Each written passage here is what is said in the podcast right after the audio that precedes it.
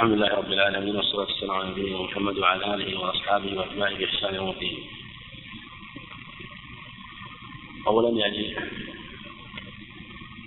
نشكر الإخوان الذين سعد جزاهم الله خير وبحثوا ولا شك أن البحث طريق الفائدة والعلم والمقصود هو الفائدة وأنا بودنا في الأسئلة جواب السؤال يعني حينما يكون جواب عن الحديث يكون المقصود جواب مختصر. آه، فيستفيد الباحث حينما يبحث ويراجع بمراجعته ومتابعته تكون الفائدة الأولى له لكن نفس الجواب إن أمكن يكون مثلا مختصر. حينما يقال مثلا السؤال الحديث من أخرجه؟ وش آه، وش الحكم عليه؟ العلة مثلا. يكتب مثلا رواه مثلا أحمد رواه الترمذي رواه النسائي من رواه من أصحاب الكتب الستة والمسند كان فيهما أو في المسند وحكمه مثلا صحيح ضعيف آه، إذا كان ضعيفا يبين العلة يعني بكي يختصر العلة كذا انقطاع تدليس آه، في راوي مجهول رواه فلان يعني تكون الإجابة هكذا حتى تكون يعني واضحة وبينة طيب وعندنا اليوم نبدأ بالسؤال. وإن حتى لا حتى لا ننسى السؤال. في الحديث عن أنس رضي الله عنه يقول لم يجتمع للنبي صلى الله عليه وسلم لم يجتمع للنبي صلى الله عليه وسلم غداء ولا عشاء من خبز ولحم إلا على ظفر لم يجتمع. يقول أنس رضي الله لم يجتمع للنبي صلى الله عليه وسلم غداء ولا عشاء من خبز ولحم إلا على ظفر. كتبت الحديث؟ على ظفر ظفر ضد اختصار. ظفر المطلوب من رواه من السبعة أحمد وصحيحان وأصحاب السنن. ثم الحكم عليه ثانيا يعني روى فلان الحكم سنده كذا. حكم صحيح ضعيف حسن. الثالث معنى قوله معنى ظفر بيان المراد بالحديث مختصر. هو في جملة ظفر معناها. نعم. يعني ثلاثة ثلاثة أجوبة. الراء من أخرجه والحكم عليه ومعنى قوله ظفر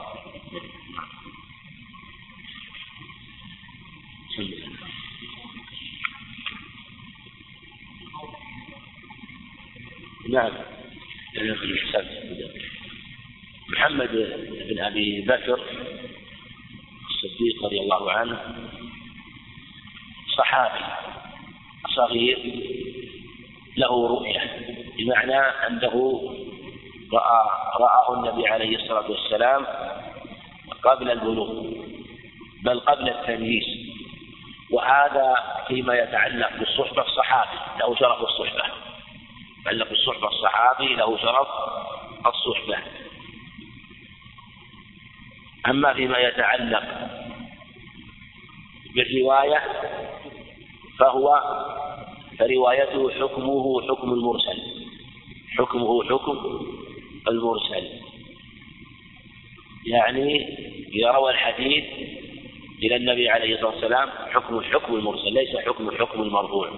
حكم حكم المرفوع. وهذا يلغز به. يقول يقال صحابي حديثه لا يقبله من يقبل مرسل الصحابي. هو الصحابي إذا روى حديث أرسله عن النبي عليه السلام يعني ما روى عن النبي ولا سمعه. الأصل أن مرسل الصحابي مقبول باتفاق أهل العلم إلا خلاف الشاذ يروى عن أبي إسحاق الإسرائيلي. لكن الصواب أن مرسل الصحابي حجة. إذا قال الصحابي قال رسول الله صلى الله عليه وسلم فحجة. ونفس من ابن عباس ما سمع كثير من أحاديث النبي عليه الصلاة والسلام. فقوله فإذا روى حديثا فهو حجة. لكن يقال صحابي لا يقبل مرسله من يقبل مرسل الصحابي. من هو هذا؟ يقال هو الصحابي الذي أدرك النبي على دون التمييز مثل محمد بن أبي بكر وعبد الله بن حارث بن نوفل وقيل أيضا في محمد بن عبد الرحمن بن أبي بكر. محمد بن عبد الرحمن بن أبي بكر. لهذا قيل هذه سلسلة سلسلة محمد بن عبد الرحمن. عندنا أربعة توالوا على نسق صحابة. أربعة توالوا على نسق صحابة. من هم؟ توالوا على نسق من هم؟ أربعة توالوا على نسق آه، الأول جد والثاني ابن والثالث ابن ابن والرابع ابن ابن ابن. نعم. نعم. ارفع الصوت إيه؟ وابنه؟ طيب هذا عمر. وابنه عبد الله. بقي اثنين عليه. هذا وش يصير؟ ود الصحابة لكن التابعين كلهم صحابة كلهم صحابة. أنا ذكرت في كلامي اثنين منهم قبل شوي. ذكرت اثنين قبل شوي. ذكرت اثنين قبل شوي. ارفع الصوت إيه؟ محمد بن عبد الرحمن إيه. إيه. تبي تجيب اسم أبو بكر شو اسمه؟ تجيب كنية أبو بكر ولا اسمه؟ اسمه شو اسمه أبو بكر؟ ابن عثمان طيب محمد ابن عبد الرحمن ابن أبي بكر ابن أبي قحافة هؤلاء. هؤلاء. كذلك أيضا ممكن من جهة يعني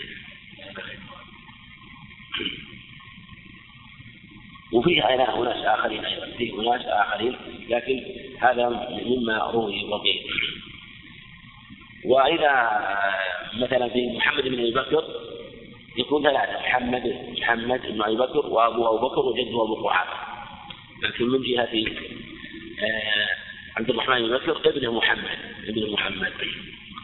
نعم. فهذا يقال إن الصحابي مرسله لا يقبل من يقول مرسل الصحابي. من هو؟ هو الصحابي الذي آه، لم أدرك النبي عليه الصلاة والسلام قبل التمييز قبل التمييز. هذا هو. لأن في الحقيقة لم يسمع من النبي عليه إنما يمرسل الصحابي الذي أدرك النبي عليه الصلاة والسلام وهو مميز. فإذا روى حديثا فنقبله ومرسله حجة.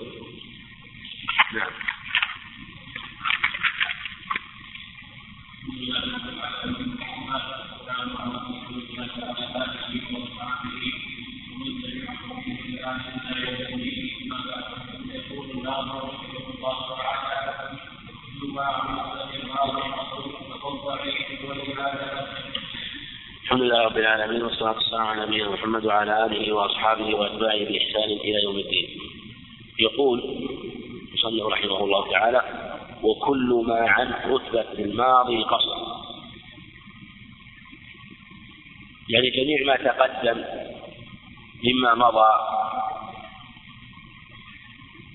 والذي مضى معنا هو المقبول بأقسامه الصحيح والصحيح لذاته والصحيح لغيره الصحيح لذاته والصحيح لغيره والحسن لذاته والحسن لغيره. وكل ما عن رتبة الماضي يعني مما هو مقبول قصر يعني فات شرط من شروط القبول فهو الضعيف أي الذي لا يحتج به. ولهذا قد كثر الضعيف ليس له حصر لأن أسباب الضعف كثيرة لكنها من جهة الحصر ترجع إلى سببين إلى سقوط راو من الرواة في السند وإلى طعن في الراوي هذه أسباب الضعف.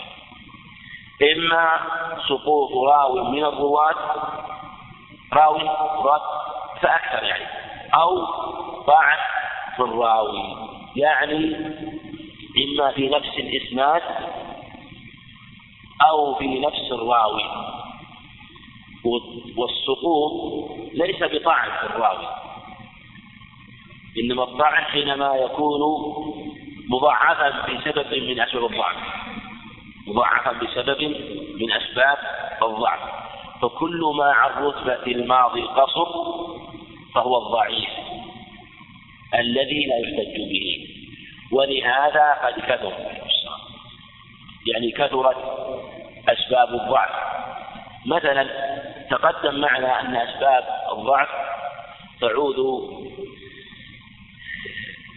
إلى ما يتعلق بالعدالة أو ما يتعلق بالضبط. يتعلق بالعدالة أو ما يتعلق بالضبط. ما يتعلق بالعدالة أن يكون الراوي كذابا أو متهما بالكذب أو متروك أو مجهول أو مبتدع. أما ما يتعلق بالضبط إما أن يكون سيء الحفظ كثير الخطأ كثير الغفلة مختلط مختلط أو يخالف أو مخالف. إذا هذه خمسة تتعلق بالضبط وخمسة تتعلق بماذا؟ بالعدالة. فاجتمع من أسباب الطعن عشرة أسباب. خمسة تتعلق بالعدالة وخمسة تتعلق بالضبط. هذه الأسباب هذه الأسباب كلها تعود إلى الراوي نفسه لا الإسناد تعود إلى الراوي معنى أن يكون الراوي مطعون فيه. هنالك أسباب أخرى تتعلق بالسند وهي إما أن يكون من ابتداء معلقا أو منقطعا أو معضلا أو مرسلا. أو مرسلا. هنالك أخرى مثل المدلس شوية هي تدخل في والمرسل الخفي تدخل في جملة المنقطع جملة المنقطع. ومنهم من يجعله متصل لأن المدلس محتمل أن السمع أو لم يسمع. فهذه العلل وأسباب الطعن كثيرة كما تقدم. الواحد منها يكفي في الحكم على الإسناد بالضعف إما أن يكون السند سقط منه راو واحد فهو منقطع سقط منه راويان في موضعين فهو منقطع في موضعين سقط منه راويان في موضع واحد. في موضعين.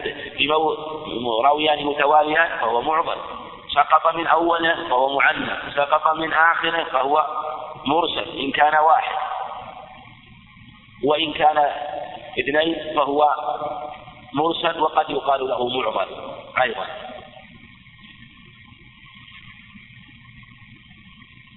فالسبب الواحد يكفي في الحكم عليه بالضعف لكن قوله ولهذا قد كثر لأنه أحيانا قد تكون أسباب الطعن أكثر من سبب. فقد يكون سبب يتعلق بالسند بالسند وسبب يتعلق بالراوي. فقد يكون الحديث منقطعا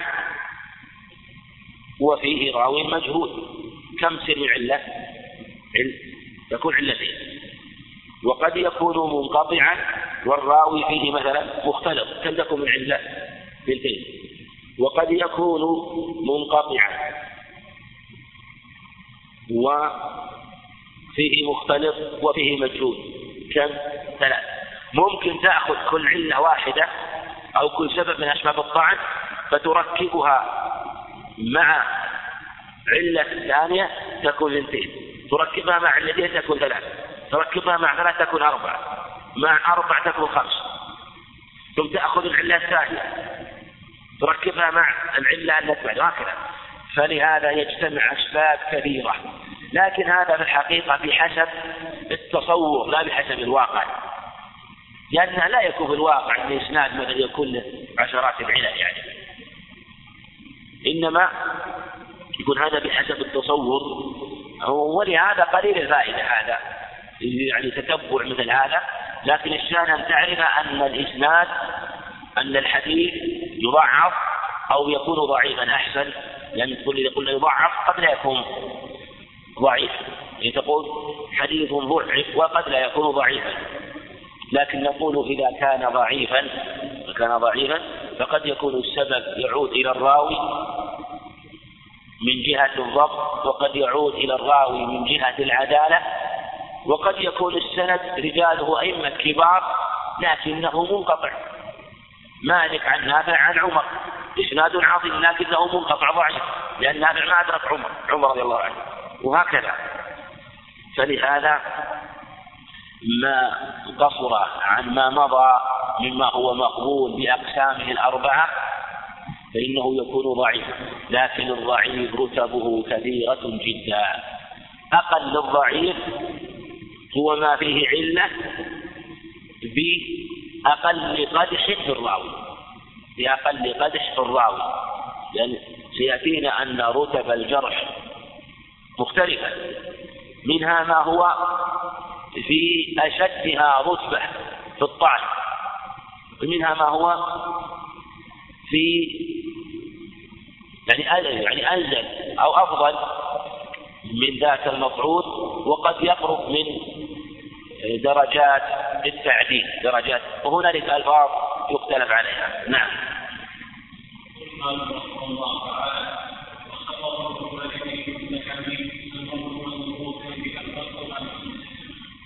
وخبر المنفرد الخبر تقدم معنا أنه اختلف فيه. هل هو والمرفوع والأثر واحد أو مختلف فيه؟ وأن هذه اصطلاحات والأمر كما يقول واسع ولا مشاحة في الاصطلاح. لا ولهذا يقال بالخبر. وإن كان المشهور أن الخبر أعم معنى يشمل كل ما نقل. ولهذا يسمى المشتغل بالتاريخ أخباري الذي يهتم بالأخبار وتسمى كتب الحديث كتب الآثار كتب الأخبار أعم. أما الحديث فإنه لا يكون إلا للمرفوع إلى النبي عليه الصلاة والسلام قولا أو فعلا أو تقريرا أو هما. ولهذا الحديث والسنة واحد الحديث والسنة واحد. وخبر أراد خبر منفرد عموما سواء كان خبره مرفوعا أو موقوفا على الصحابي أو مقطوعا على من دونه.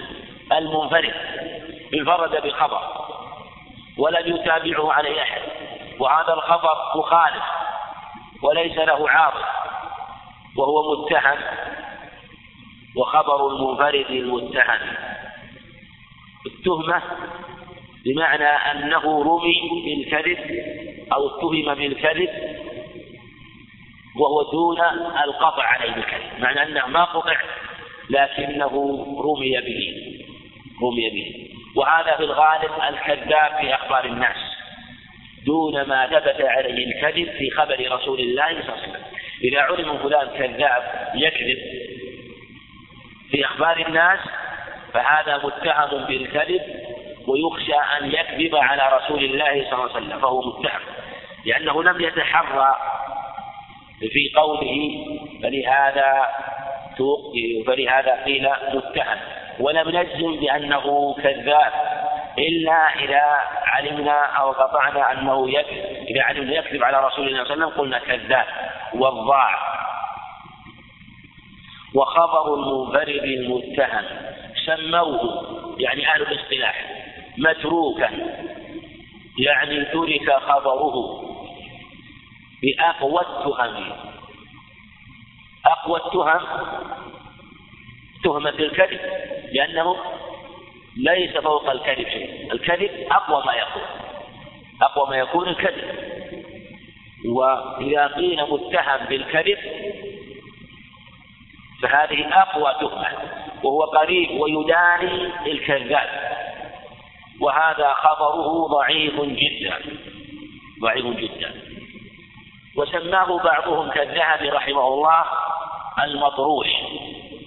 وجعله رتبة أدنى وأقل من الضعيف وأشد من الضعيف ودون أو فوق الموضوع فوق الموضوع. ليس موضوع مكذوب مختلق مصنوع لأنه لم يثبت عليه صريح الكذب على النبي عليه الصلاة والسلام وليس ضعيف لأنه فوق لأنه أدنى من الضعيف. فسمي متروكا بأقوى التهم وهذا خبره لا يقوى على القوة. ولو ولا يصلح المتابعة لا يصلح للمتابعة بشدة ضعفه. وليسموه متروكا. يعني كما تقدم اصطلاحات لأهل العلم. تبين درجة المروي من الحديث. نعم.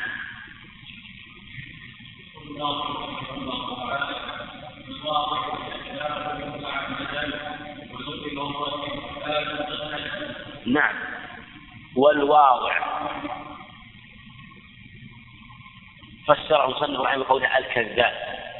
قلت فلان وضاع فلان كذاب المعنى واحد. لكن قالوا الوضاع من وضعت الشيء إذا إذا طرحته وأسقطته فهو موضوع مطرح لا قيمة له. هذا معناه وضع أي طرح فلا قيمة له لأنه مختلق. اختلقه صاحبه وافتراه فهو مصنوع. المختلق المصنوع. هو شر أنواع الضعيف الموضوع المختلق المصنوع. المكذوب على النبي عليه الصلاة والسلام. وقيل الوضاع هو الذي يولد الأخبار ويفتريها يولدها منه من وضعت المرأة إذا ولدت يولدها من شيء لا أصل له. وقيل الوضاع أو الموضوع هو الملصق وهذا معنى جيد. الموضوع هو الملصق وضعت الشيء على الشيء إذا ألصقته به. وهذا أقرب من جهة المعنى لأنه ألصقه بحديث النبي عليه الصلاة والسلام وبسنته وليس منه. فهو بريء منه. من ألصقت شيء بشيء وهو أجنبي منه. مثل ما تلصق الشيء على الجدار وليس من الجدار فليس منه إنما أنت ألصقته كذلك الوضاع ألصقه به وليس منه. وسمي الحديث الموضوع بزعم قائل وإلا ليس بحديث. لكن قائله زعم أنه حديث. فقال العلماء الحديث الموضوع. فهو حديث من جهة حديث مفترى. حديث حديث مكذوب. ولا يضر بهذه الحالة. أن نسميه حديث لأنه حديث مكذوب حديث مفترى. فإذا ميزنا وقلنا وقيدنا لا يحصل نفس. والواضع الكذاب إن تعمدا يعني إن تعمد الكذب. أما إن لم يتعمد الكذب فخبره موضوع لكن لا يقال له وضاع وخبره مكذوب لكن لا يقال له كذاب مثل ما يقع لبعض الناس ممن لا معرفة له فربما جرى على لسانه أحاديث عن النبي عليه الصلاة والسلام نسب إليه وهي مكذوبة لجهله. وهذا يقع لبعض الصالحين كما كما يقول بعضهم لم نرى يعني الصالحين أكذب منهم يعني أنه يجري الكذب على ألسنتهم وهم لا يشعرون. يعني انشغال بعضهم بالعبادة وعدم اهتمامهم بالعلم فربما سمعوا أشياء تعلق بقلوبهم ونفوسهم فيظنونها أخبارا فيروونها وهذا يقع لكثير من الصالحين وبعض من يروي الأخبار من له ليس له عناية وقد نصب بحث العلماء وبينوه. هذا يبين يقال خبر موضوع. ثم أيضا قد يكون الخبر موضوع على سبيل الخطأ. ولهذا لما اختلف العلماء هل في المسند حديث موضوع أو ليس فيه موضوع؟ قيل إن أريد بالموضوع المكذوب على النبي عليه الصلاة والسلام أن راويه كذاب فليس في المسند شيء من هذا. وإن أريد أنه موضوع بمعنى وقع الخطأ فيه وأن رأوي يخطأ ففي المسند شيء من هذا وقد يقع في غير المسند. معنى أنه أن فيه أحاديث موضوعة في أحاديث موضوعة. كذلك أيضا في بعض كتب السنن وسنن ماجه فيها كثير من ذلك. وإن كان ربما يكون فيها الموضوع ومن هو متهم أو كذاب وإن كان شيئا قليلا. الشأن أن عن بيان الاصطلاح وأنه أحيانا يختلفون يقولون يمكن أن هذا المصنف ليس فيه موضوع بمعنى أن راويه كذاب لكن قد يكون فيه موضوع بأن راويه أخطأ في روايته فرفعه إلى النبي عليه الصلاة والسلام لظنه أنه موضوع. والواضع الكذاب إن تعمد ولو بمرة يعني ولو كذب مرة على النبي عليه الصلاة والسلام فهو الضائع كذاب. على من قد هدى وهو النبي عليه الصلاة والسلام. ويطلق الكذب على كل من هدى ويعني من أهل العلم من الصحابة والتابعين. فكل من كان يعرف الكذب في حديثه أو في قوله فهو الضعف سواء على النبي عليه السلام وعلى غيره. لكن الشأن والبحث في حديث النبي عليه الصلاة والسلام. والكذاب والوضاعون كثير ولهم مقاصد. والموضوع كما قال جمع من العلم هو نوع من الضعيف. وقالوا إنه شر الضعيف. وبعضهم قال إنه لا يقال إنه من الضعيف. لكن إذا قيل شر الضعيف كما يقول العراقي رحمه الله أو شر الضعيف الموضوع فذاك المختلق المصنوع. قال في هذه الحالة؟ يكون قيدا حسنا.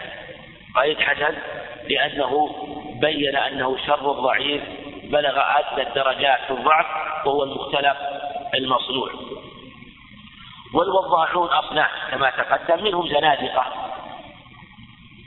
ومنهم من يقع الوضع في على بلسان على سبيل الخطأ كما تقدم ومنهم متعصبون يضعون الأحاديث تعصبا ومنهم أصحاب هوى يتقربون لولاة الخلفاء والملوك والأمراء بأحاديث لا أصل لها يريدون الدنيا.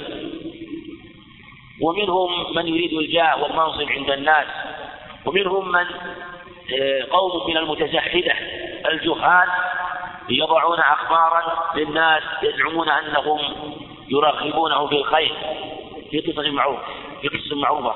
من ذلك الأحاديث الموضوعة في السور في فضائل السور يغتر بها الزمخشري والواحد وجماعة. حديث موضوعة مكذوبة لا أصل مروية عن أبي بن كعب وعن ابن عباس.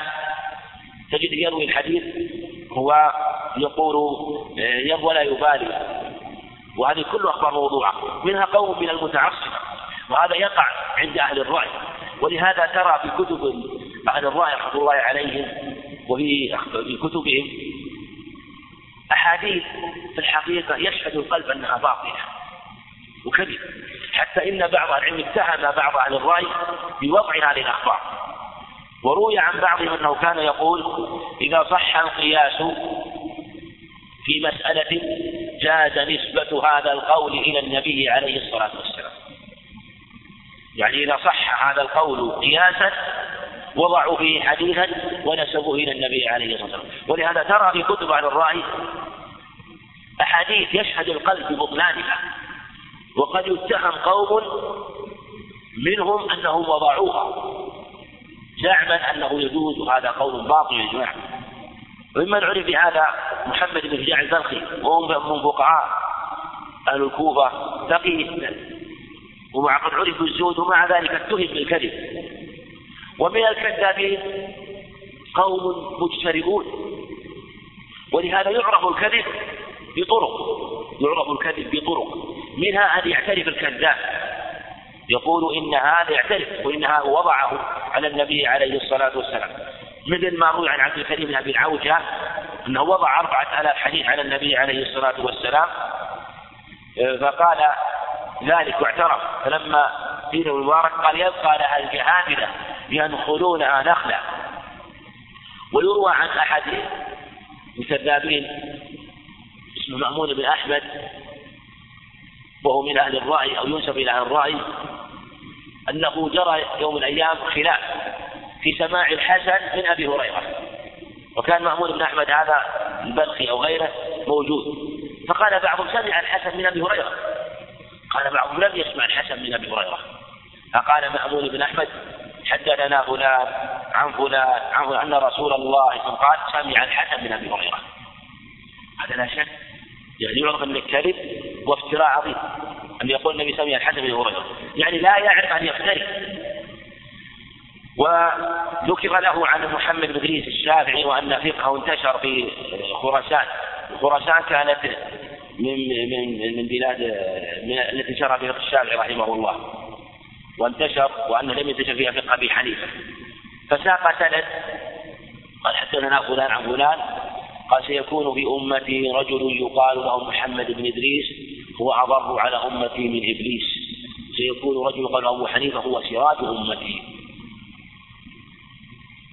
وهذه من الخرافات يعني تذكر بخرافات الكذابين والمدعي النبوة كمسيلم وأمثاله.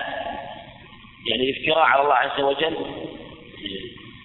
تلك ذاك الافتراء كذلك الافتراء على النبي عليه الصلاة والسلام. لكن الله عز وجل حفظ كتابه وحفظ سنة نبيه عليه الصلاة والسلام وبينوها. يقول الدار رحمه الله يعني بغداد لا يستطيع أحد منكم أن يكذب على رسول الله صلى الله عليه وسلم ما دمتم حيا رحمه الله. ثم الحديث كما يقول الرأي الخزيم وإن جوز الحديث الموضوع نقول مثلا عندنا كذاب الكذاب إذا روى حديث نقول حكمه موضوع نقول موضوع. لكن يجوز الكذاب أن يصدق يجوز الكذاب أن يصدق. فقد يكون خبره ماذا؟ صحيحا قد يكون خبره صحيحا. لكن مع ذلك نحكم بأن خبره موضوع نحكم بأن خبره موضوع. وإن جوزنا أنه يمكن أن يصدق. لأن المدار على غلبة الظن في هذا. لكن كما تقدم من الرجل القديم رحمه الله يقول للحديث ضوء كضوء النهار تعرفه. يعني بحديث النبي صلى الله عليه وسلم. وله وللمكتوب ونحو ذلك ظلمة كظلمة الليل تنكره. تنكره. فأهل العلم يعرفون ويميزون كما تقدم بمراسة الأخبار ومعرفتها نعم. وأيضا قبل ذلك أهل العلم أيضا صنفوا كتب خاصة في الموضوعات وبينوها كابن الجوزي وغيره. لكن نعرف أن الكتب هذه ربما يكون فيها خطأ كغيرها في الحكم على الحديث بأنه موضوع وليست كذلك. وقد وقع لابن الجوزي أوهام معروفة وذكر حديث صحيح مسلم يعني طالب من حياة. ترى قوما يغدون يروحون بسخط الله معهم كأذناب كأذناب البقر يسوقون بها الناس وحديث صحيح. وذكر حديث كثيرة بينها السيوط جماعة من العلم وخالفوا في هذا. وإن كان غالب ما ذكر رحمه الله من المختلف الذي لا يصح. نعم. نعم. نعم.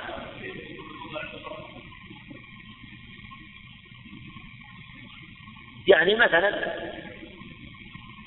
ربما يحضر مجلس من مجالس الحديث ويقول المحدث حدثنا فلان عن رسول الله صلى الله عليه وسلم. نعم.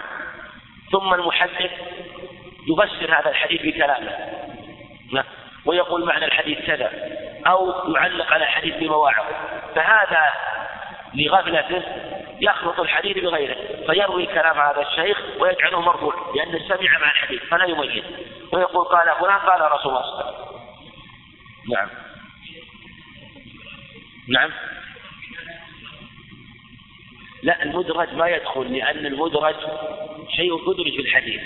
أما الموضوع وضع بكامل كل الكذب أما المدرج فنفس الراوي أدرجه قصدا للبيان. أدرجه قصدا فهو جملة إما في أول الحديث أو في وسط الحديث أو في آخر الحديث. أو في آخر الحديث. نعم. نعم.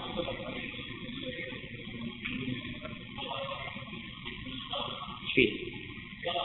نعم أيضا كذلك. ربما أيضا صحيح هذا. ربما اللي وقع الاختلاط يختلف عليه الأخبار والأحاديث فلا يميز. ويروي أحاديث ويروي أخبار مرفوعة ويروي أخبار ليست مرفوعة. فيخلط المرفوع بالموقوف أو بغيره. نعم هذا بهذا نعم نعم.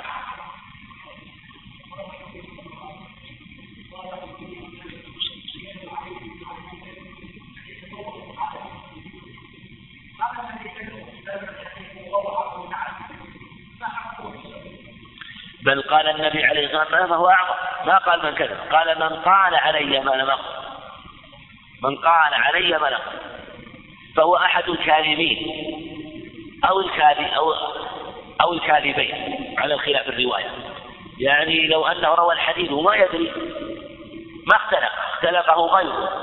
فروى بلفظ من روى عنه يرى على الظن أن يظن أو يرى يعلم فهو أحد الكاذبين الكاذبين. يعني إذا روى الحديث ويعني يدخل فيه من اختلقه ومن روى عن المختلف ومن روى حديثا لا يدري لا يدري مكذوب أو غيره أما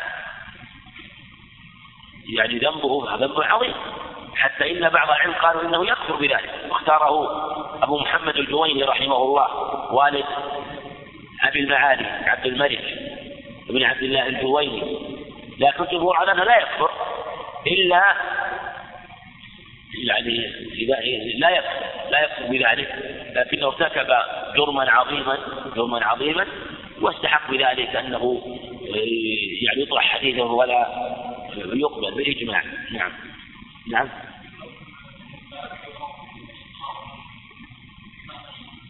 يعرف أولا باعترافه الأمر الثاني يعرف بمصادمته للنصوص الصحيحة. الأمر الثالث بمصادمته لصريح العقل.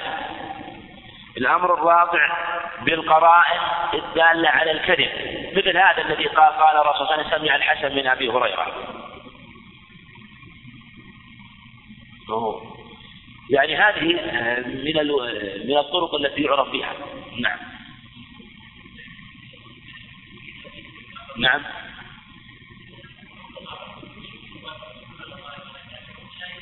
نعم. بل بل هذا أبلغ يقول يدخل فيه جميع من قال على الله سواء كان القول من جهة اللفظ أو من جهة المعنى بمعنى أن أنه قال هذا من الشريعة وهذا يجوز وإن لم يقل قال الله أو قال رسول الله صلى الله عليه وسلم. نعم.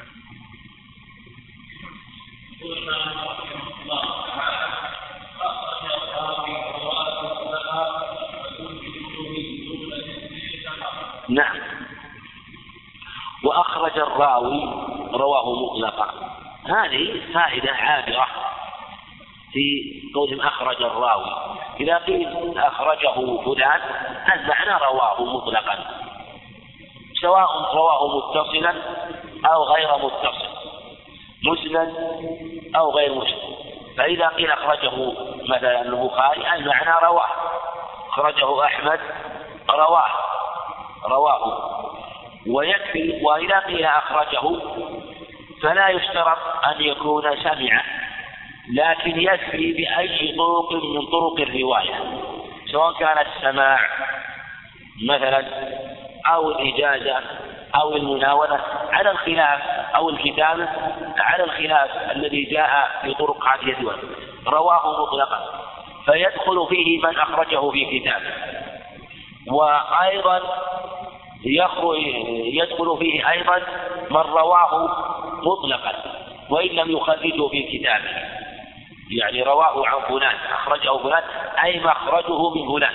ولهذا يقولون مخرج الحديث من البصرة من الكوفة مثلا لأنه خرج منهم ثم انتشر بعد ذلك مثل رواه ابن مسعود رضي الله عنه ورواه عنه علقمة وأمثاله ثم انتشر بعد ذلك في مكة أو بغيره أو بالعكس رواه ابن عباس وروى عن عطاء بن أبي رباح في مكة ثم بعد ذلك من من عطاء انتشر فرواه مثلا أهل الكوفة وأهل الشام وغيرهم.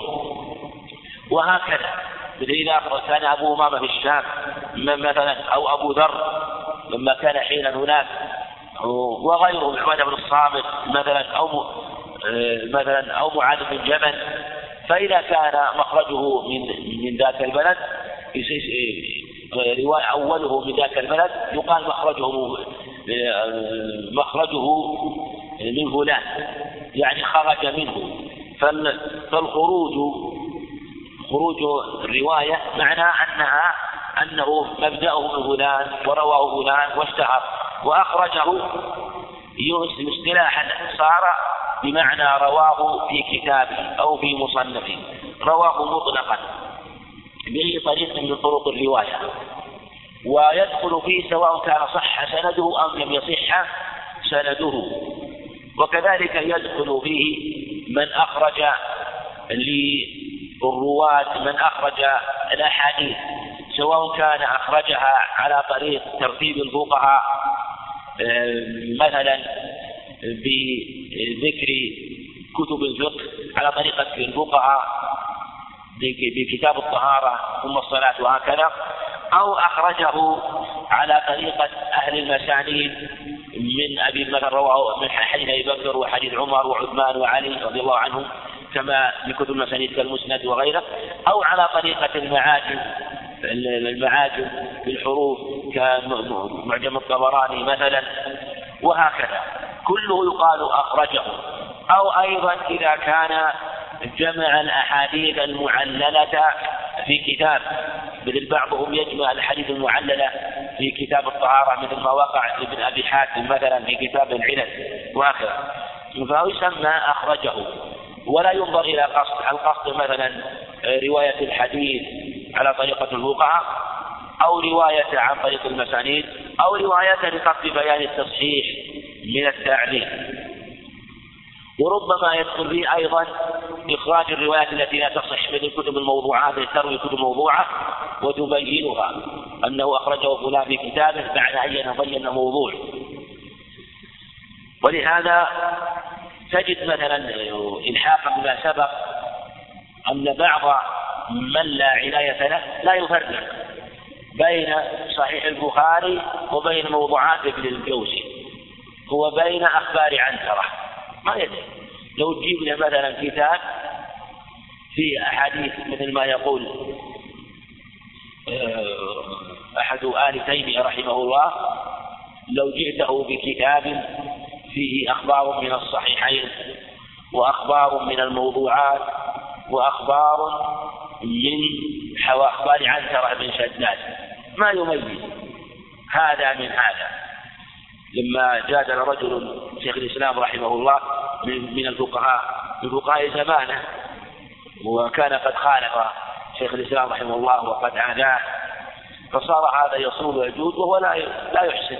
فقال عبد الله بن عبد الحليم أخو شيخ الإسلام أحمد عبد الحليم يقال له قال أنت لماذا تجادل؟ لو جمعت لك كتابا فيه إخبار من الموضوعات وأخبار من الصحيحين وأخبار من أخبار العدل لم تميز الصحيحين من غيرهما. يقول يعني حالك السكوت والخروج. ولهذا جاء رجل إلى العراقي رحمه الله وكان العراقي قد تكلم على بعض الأخبار وحكم عليها بأنها لا تصح. فقال كيف تقول هذا يصح؟ وهذا الحديث وهذا الحديث ذكره فلان قال ائت به فأتى به من كتاب ابن الجوزي في الموضوعات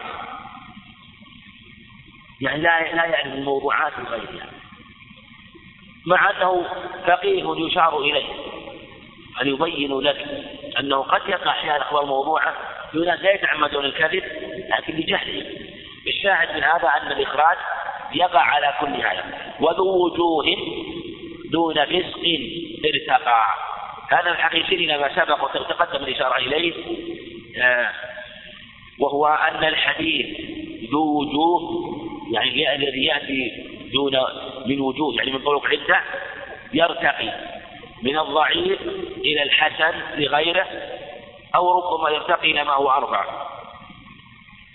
بمعنى أنه يكون له متابع أو شاهد. ارتقى لكن بشرط ما دون فسق. مثل ما تقدم معنا أنه يشترط في الحديث أن يكون أن لا يكون ضعفه شديدا. فإن كان ضعفه شديدا هل ينجبر ولا ما ينجبر؟ ما ينجبر. ما ينجبر. إنما ينجبر الكسر اليسير. أما الكسر العظيم هذا لا ينجبر. إذا كان كسر يسير يجبر بأدنى شيء.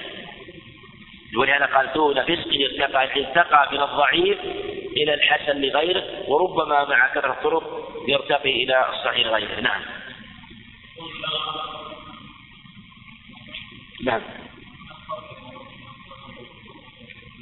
فرق بينه؟ لا ما هناك فرق ما هو ما, ما يعني ما أعرف أقول ما أعرف الآن شيء والله أقول ما أعرف. أخرجه وخرجه يعني هم دائما يأتي في كتب الحديث خرجه فلان خرجه فلان لكن يأتي مثلا خرجه فلان خرجه أوسع من أخرجه. أخرجه بالغالب يكون على رواه في كتابه أما خرجه فيكون أوسع بمعنى تتبع طرقه وأسانيده وجمعها من طرق شتى. ولا يلزم أن يكون مثلا رواه في كتابه. خرجه فلان. ولا تقول ولهذا يكتب في كتب الحديث خرجه فلان. يعني خرج الكتاب فلان. تخريجه هو التتبع. تتبع الحديث. في كتب الحديث معنى يخرجها ويتبع المخارج. ففيه تشديد والتشديد زيادة في المبنى يدل على الزيادة في المعنى. ويفهم من هذا أن التخريج أبلغ من الإخراج. فالذي أخرج لم يتكفل لك. بالتصحيح غالبا وربما تكفل إذا كان هذا شرطه لكنه لم يزدك على ما ذكر فهو أخرجه ولم يتكفل لك لكن خرجه فهو تتبع الحديث و آه، يعني تتبعه بطرقه وشواهده حتى تستبر وتستوفي. نعم.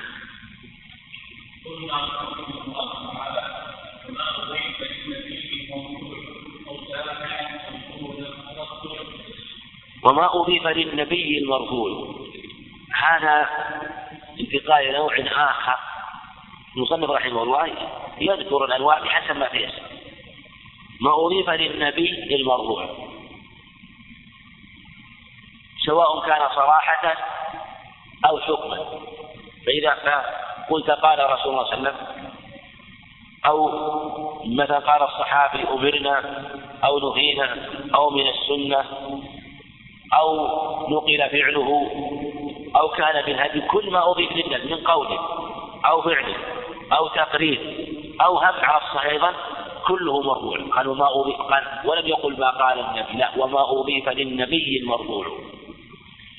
وعلى هذا يكون المرفوع يشمل كل حديث إليه سواء كان صحيحا أم ضعيفا.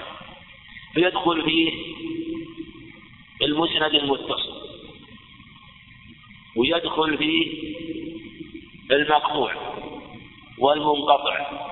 يدخل فيه المنقطع؟ يدخل فيه المنقطع. والمعضل والمرسل والمعلق. لأنه أضيف حديث مرسل إلى النبي عليه الصلاة والسلام. يقال مرفوع. معلق مرفوع. معضل مرفوع. إذا المرفوع ينظر فيه إلى المتن لا ينظر فيه إلى السند وهذه مسألة فيها خلاف كثير بين الاصطلاح لكن هذا أقرب الأقوال. أن المرفوع ينظر فيه إلى المتن فإذا رأيت المتن مضاف إلى النبي عليه الصلاة والسلام فسمه مرفوع تقول المرسل مرفوع. والمعضل مرفوع. والمنقطع مرفوع. والمعلق مرفوع كما تقدم. فينظر فيه إلى المتن وإن كان سنده فيه علة وإن كان سنده فيه علة وبالأولى إذا كان متصلا. وما أضيف للنبي المرفوع. أو تابع. يعني التابع. والتابع هو من لقي الصحابي. ومات على ذلك. ولا يشترط التابع يلقى النبي أن يلقى الصحابي مؤمن. لا هذا في الصحابي. إنما التابع من لقي الصحابي ولو أنه لقيه غير غير غير مسلم لكن شرطه أن يموت على ذلك. ولو كان مجرد رؤية هو تابعي صغير وبحسب الصحبة وطولها يكون وصف التابع بحقه أشمل وأتم. أو تابع أو دونه دون التابع وتابع التابع مقطوع. ما رواه التابعي أو تابع التابعي مقطوع. إلى النبي عليه السلام اختار لفظ مرفوع يعني كلمة المرفوع رتبة عالية رفع ارتفع عن غيره فسمي مرفوع. فخص المرفوع بارتفاع رتبته وارتفاع منزلته قلنا مرفوع. أما التابعي فهو نزلت رتبته وهو من قوله فقيل مقطوع قطع عن الرفع وعن الوقت فقيل مقطوع. وكذلك يدخل فيه سواء كان متصل أو منقطع أو معضل مثل ما قلنا في المرفوع فالمقطوع من قول التابع ينظر فيه إلى المتن وإن كان فيه علة مثل ما تقدم في المرفوع نعم.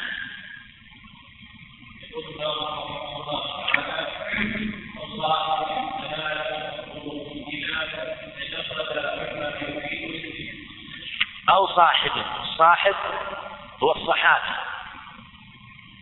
والصحابي أصح الأقوى فيه من لقي النبي صلى الله عليه وسلم مؤمنا ومات على ذلك ولو تخللت رده يقول حافظ بالأصح يعني حتى يدخل به الأشعث بن قيس وأمثاله. لكن لو لو مات على غير الإسلام مثل ربيع بن أمية والعياذ بالله لما سد وشرب الخمر وتنصر ومات على ذلك فهذا يخرج عن الصحبة. أما لو عرض له و أضله الشيطان ثم من الله عليه فرجع فوقع لسان غيث فهو ثم مات عليه السلام فهو صحابي فهو صحابي. أو صاحب. والصحابي كل كما تقدم كل من رأى النبي سواء كان صغير أو كبير. ويدخل فيه كما تقدم من رآه النبي. بشرف الصحبة.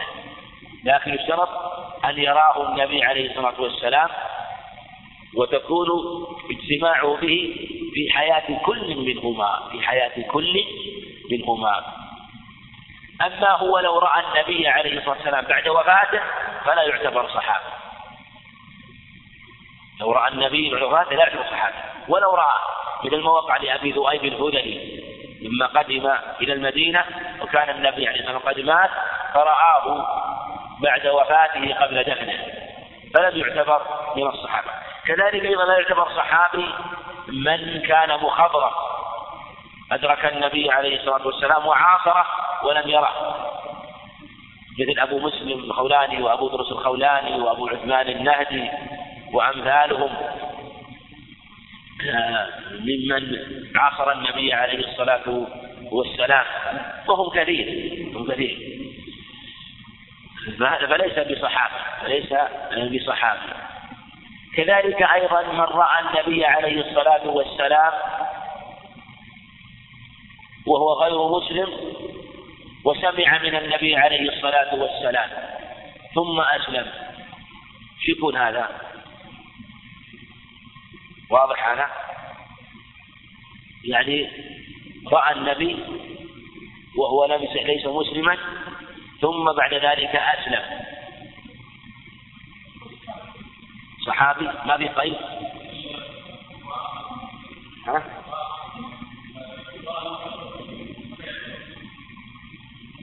آمن بعد ذلك آمن بحياة آمن بحياة يمكن آمن بحياة النبي عليه الصلاة نعم.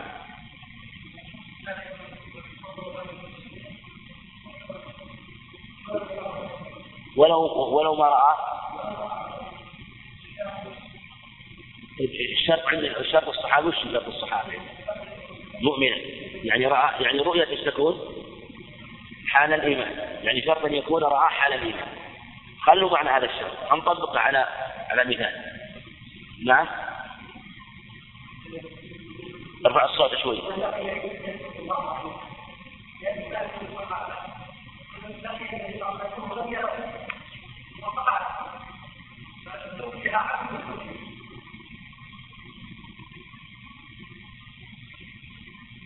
هذا هذا هذا في مسألة المسألة الثانية يعني من كان من كان أعمى هذا هذا مثل ابن أم مكتوم.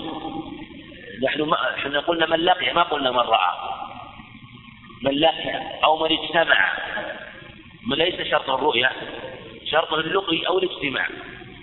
شرط اللقي أو الاجتماع. ويدخل في ابن مكتوم وقيل رجل آخر أبو أحمد بن جحش وغيره في النظرير لكن من رأى النبي عليه الصلاة والسلام وهو غير مسلم؟ ثم أسلم بعد ذلك ولم يرى النبي عليه الصلاة والسلام. وش ها؟ ما يكون صحابي؟ لفوات الشر. شر. نعم لفوات الشر. طيب حكم حديثه؟ لو روى حديث. يصير؟ متصل ولا مرسل؟ نعم. أرفع الصوت.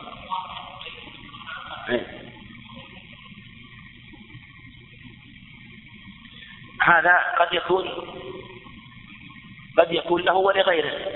يعني قد يكون الموافقة ليست خاصة بهذا. أي إنسان يروي لو جاءنا تابعي مثلا وروى حديث ووافق غيره قبلنا. ليس خاصا بهذا يعني لأن إذا جاء الشاهد قول. نعم. ها؟ طيب ويقول سمعت النبي صلى الله عليه وسلم. يقول سمعت النبي من يقول ورأيته وجلست معه وأكلت معه وسمعته. نعم. نعم. الصوت. متصل. ليس شرطا في فضل ما أرفع الصوت. هي المقصود حكم رواية. حكم حكم رواية. طيب يعني مرسل صحابي مرسل حكم حكم مرسل حكم حكم المتصل. يعني نعله ولا ما نعله؟ متصل. لأنه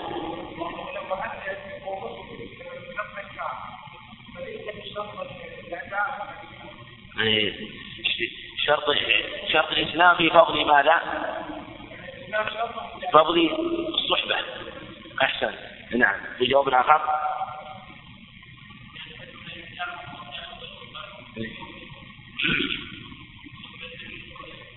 هو هو الفرض أنه صدوق.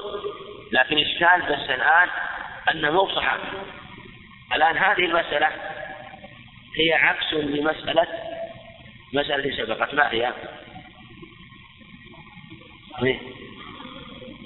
صحابي لا نقبل مرسلا وغير صحابي قبلنا قبلنا حديثه وقلنا مقبول. هذا إنسان ليس بصحابي هذا يلغز يقال رجل روى حديثا وليس بصحابي وليس بصحابي فحكمه حكم رواية الصحابي مو صحابي. وصحابي روى حديثا حكم حكم مرسل التابعين هذا على مثال واحد. ليس له إلا مثال واحد في الرواة. من هو؟ رسول هرقل. شو اسمه؟ التنوخي هذا له مثال واحد. التنوخي روى قصة الإمام أحمد رحمه الله. وبعضهم تكلم في حديث مطول. حديث مطول روى الإمام أحمد رحمه الله. والراوي قيل عنه مجهول لكن الشاهد أن روايته وفيها عبر وفيها عن جاء غرائب القصة التي رواها رحمه الله. كان شيخا كبيرا قد أفلت فالنبي عليه الصلاة والسلام قال أسلم لما مات. قال إني على دين إني رسول قوم فلا أغير فيه قال رسول حتى أرجع إليه. قال النبي عليه الصلاة والسلام إنك لا تهدي من أحببت. ثم أسلم بعد ذلك رحمه الله. ولا ولم يرى النبي عليه الصلاة والسلام. فكان يروي حديثا طويلا في نحو صفحتين في المسند وقريب منه. هو حكم حديثه ولهذا ذكر الإمام أحمد رحمه الله في كتاب المسند. نعم. أو صاحب نعم قرأت اللي بعده نعم وصاحب فذاك أو صاحب مثل ما مثل ما تقدم. والصحابي بتعريفه. فذاك موقوف إذا. موقوف. يقال بقول الصحابي موقوف. فهو رتبة دون المرفوع وفوق المقطوع. ما جعلوا لها اصطلاح موقوف. كأن الراوي وقف وقف ما رفع. واللي دونه تابع انقطع. ولهذا سمى بعضهم المقطوع بالمنقطع. ويقع في كلام الشافعي وجماعة يسمون المقطوع المنقطع. لكن المشهور الاصطلاح عند الجمهور أن المقطوع للتابع فمن دونه والموقوف للصحابي من قول الصحابي والمرفوع موظفا للنبي عليه الصلاة والسلام. إذا تجرد مما يفيد الاحتلال. مما يفيد الاحتلال. يعني إذا تجرد قول التابع وقول الصحابي ما يفيد الاحتلال. لكن إذا كان قول التابع أو قول الصحابي حكمه حكم المرفوع أو يفيد الرفع فلا يأخذ فلا يكون مقطوعا ولا موقوفا بل حكم حكم المرفوع من جهة. لكن ينظر عاد في الحكم عليه من جهة الثبوت عنه فإذا قال الصحابي مثلا قولا لا يقال من جهة الرأي نقول حكمه؟ مرفوع. وما أتى عن صاحب بحيث لا يقال رأيا فالحكم الرفع على ما قال في المحصول كقوله من أتى فهذا الحاكم فالحاكم الرفع لهذا أثبت يعني من أتى كاهنا كقوله من أتى فالحاكم الرفع لهذا أثبت. يعني وما أتى عن صالح صاحب صاحب بحيث لا يقال رأيا فحكم الرفع على ما قال في المحصول كمن أتى فالحاكم الرفع لهذا أثبت. يعني إذا قال قولا لا يقال من قبل الرأي مثل إخبار عن المغيبات أو عن أشراط الساعة أو ما أشبه ذلك لكن بشرط أن يكون الصحابي لا يعرف بالأخذ عن أهل الكتاب. مثل عبد الله بن عمرو يعرف بالأخذ عنه ولهذا أحيانا إذا حدثهم من صحيفة التي أخذها يوم اليرموك قيل وحدثنا عن الصادقة التي ليس فيها إلا حديث النبي عليه الصلاة والسلام. وعبد الله بن سلام أيضا ربما حدث عن أهل الكتاب لكن إذا كان الراوي لا يرى بالأخذ عنه كعبد الله بن مسعود وابن عباس وأمثاله فإنه يكون حكم حكم الرفع إلى النبي عليه الصلاة والسلام. وإذا قال التابعي شيئا لا حكم لا يقال رأي فهو حكم حكم مرفوع لكنه مرفوع مرسل مرفوع مرسل. وهكذا لو حكى قولا فعلا. أو الصحابي إذا قال كنا نفعل فإن حكم حكم مرفوع. قول ولهذا مثل ما عقدها عراقي قول الصحابي من السنة أو نحو أمرنا حكم الرفع ولو. بعد النبي قاله بعصري على الصحيح وهو قول الأكثر. ولو قال بعد ذلك الصحابة قول الصحابي من السنة أو نحو أمرنا. قول أمرنا أو نهينا حكم الرفع ولو. بعد النبي قاله بعصري على الصحيح وهو قول الأكثر. كذلك أيضا ما قاله الصحابي ذكرا لسبب النزول. وعدوا يعني ما حكم ما رفع ما قاله الصحابي يعني في باب الأسباب أسباب النزول هو مرفوع لكنه مرفوع من جهة أنه حكى سبب النزول إذا قال سبب النزول هذا هذا الشيء.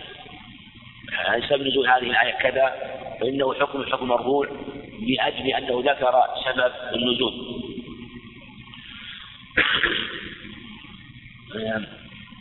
فالمقصود أن أن عبارات كثيرة ذكرها العلماء تجعل الحديث حكم حكم المرفوع ونقال مما يفيد الاشتداد إذا تجرد مما يفيد الاقتداء أما إذا دل على الاقتداء والاتساب بالنبي عليه الصلاة والسلام في أمر لا مجال للرأي فيه فإن حكمه حكم المرفوع كما تقدم. نعم. المسند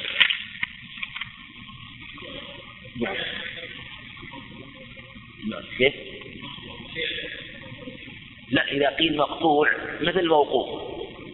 إذا قيل مقطوع هو يكون من قوله. المقطوع ننظر فيه. إن كان لا مجال للرأي فيه فهو مرفوع. يكون مرسل وإن كان مما فيه مجال الرأي فهو من قول مثل مثل مثل مثل الموقوف. ننظر ننظر في الموقوف. إن كان مما لا مجال فيه الرأي على شراط الساعة ما يكون موقوف يكون مرفوع. فالنظر إلى القول لا إلى القائل. فمن جهة القول يتحدث عن نحكم عليه بأنه مرفوع أو مقطوع أو موقوف.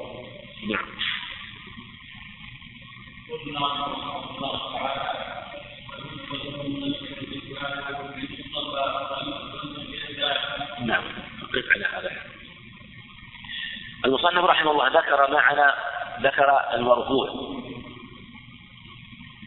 وتقدم المقطوع والمرفوع لكن عندنا اصطلاحات ثلاثة. عندنا المرفوع والمسند والمتصل. هذه الاصطلاحات ثلاثة وقع الخلاف فيها. مثل الخبر والحديث والأثر. هذه الاصطلاحات في تعريفها العلماء عباراتهم مختلفة. لكن تقدم معنا الصحيح المرفوع كل ما أضيف إلى النبي عليه الصلاة والسلام دون النظر إلى الإسلام. فكل مرفوع كل ما أضيف إليه مرفوع ولو كان منقطعا معضلا أو مرسلا كما تقدم. لكن المسند هو النوع الثاني والمسند المتصل الإسناد إسناد هذا فاعل متصل أو معناه هو الإسناد المتصل العبارة والمسند المتصل هو الإسناد هو الإسناد المتصل للمصطفى يعني المختار للنبي عليه الصلاة والسلام كما تقدم. والمسند الصحيح أنه يجمع وصفين الاتصال والرفع. ولهذا هو أكمل أنواع الحديث. أو يعني أو أو أكمل أنواع المضاف إلى النبي عليه الصلاة والسلام. يكون متصلا مرفوعا. يسمى مسند ولهذا تجد مثلا في كتب الحديث يقولون أسنده فلان وأرسله فلان.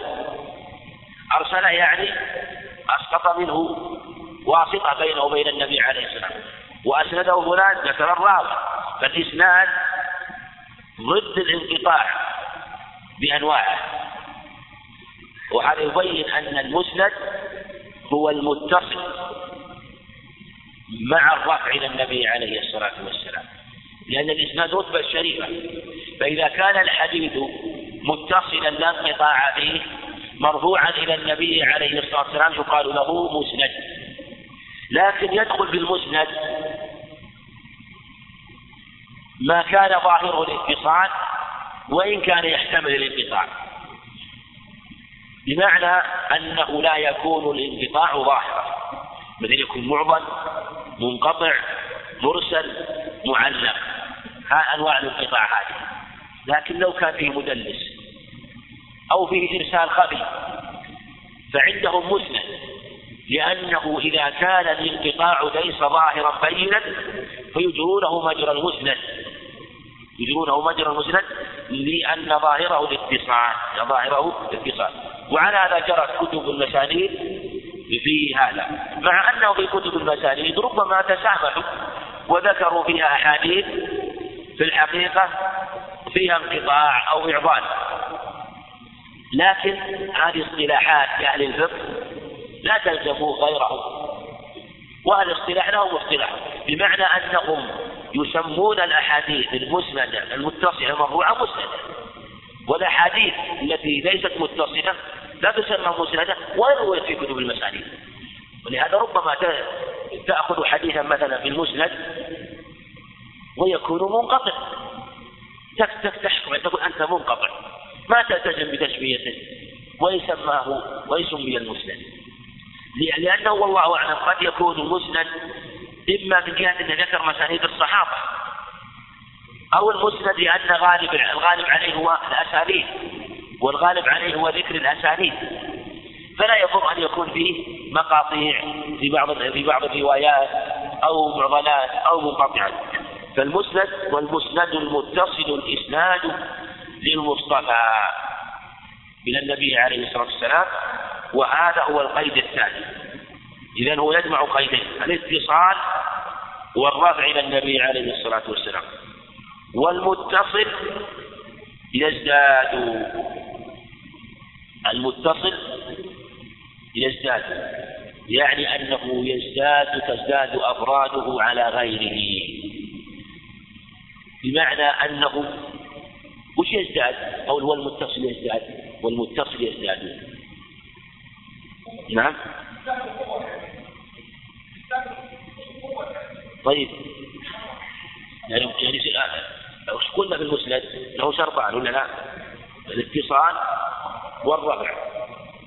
وهذه أربع أحوال يعني عندنا ثلاث صفات المرفوع تقدم معنا أنه ما أضيف إلى النبي عليه الصلاة والسلام النظر إلى المتن دون السند. قد يكون السند ضعيف. المسند يجمع إلى كونه مرفوع الاتصال يعني ظاهر الاتصال. طيب المتصل.